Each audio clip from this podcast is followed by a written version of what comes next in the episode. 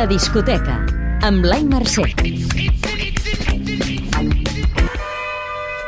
El nou disc de Bad Bunny revoluciona la discoteca i nosaltres no podem parar de ballar. El cap de cartell. Bad Bunny, yo hago lo que me da la gana. Antes tú me pichabas, tú me pichabas. Ahora yo picheo. Mm, Antes tú no querías, Has de saber que... El títol d'aquest disc fa justícia al modus operandi del cantant portorriqueny.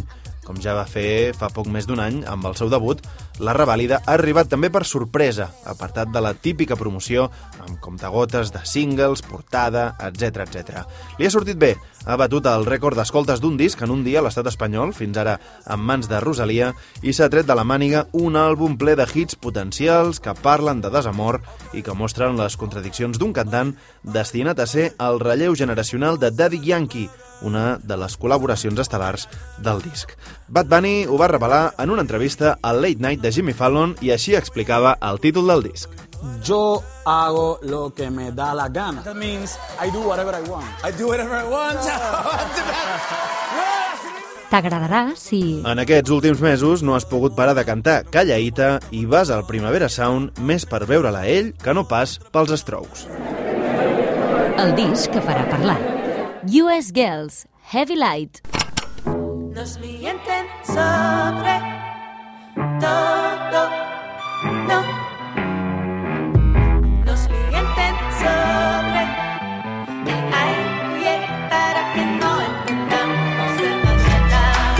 Has de saber que...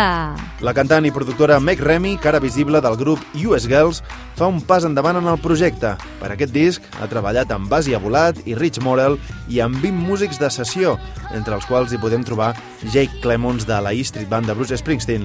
És el seu disc més ambiciós, ple de temes de tall orquestral, on parla en primera persona d'experiències d'infància i per primer cop la sentim cantar en castellà en aquesta cançó. T'agradarà si... Patti Smith, PJ Harvey o Kate Bush estan entre les teves artistes de capçalera, però avisem, en l'univers de US Girls tot és una mica més caòtic i potser un pèl més difícil de pair. El disc de quilòmetre zero. Maria Lluïsa. És per tu i per mi.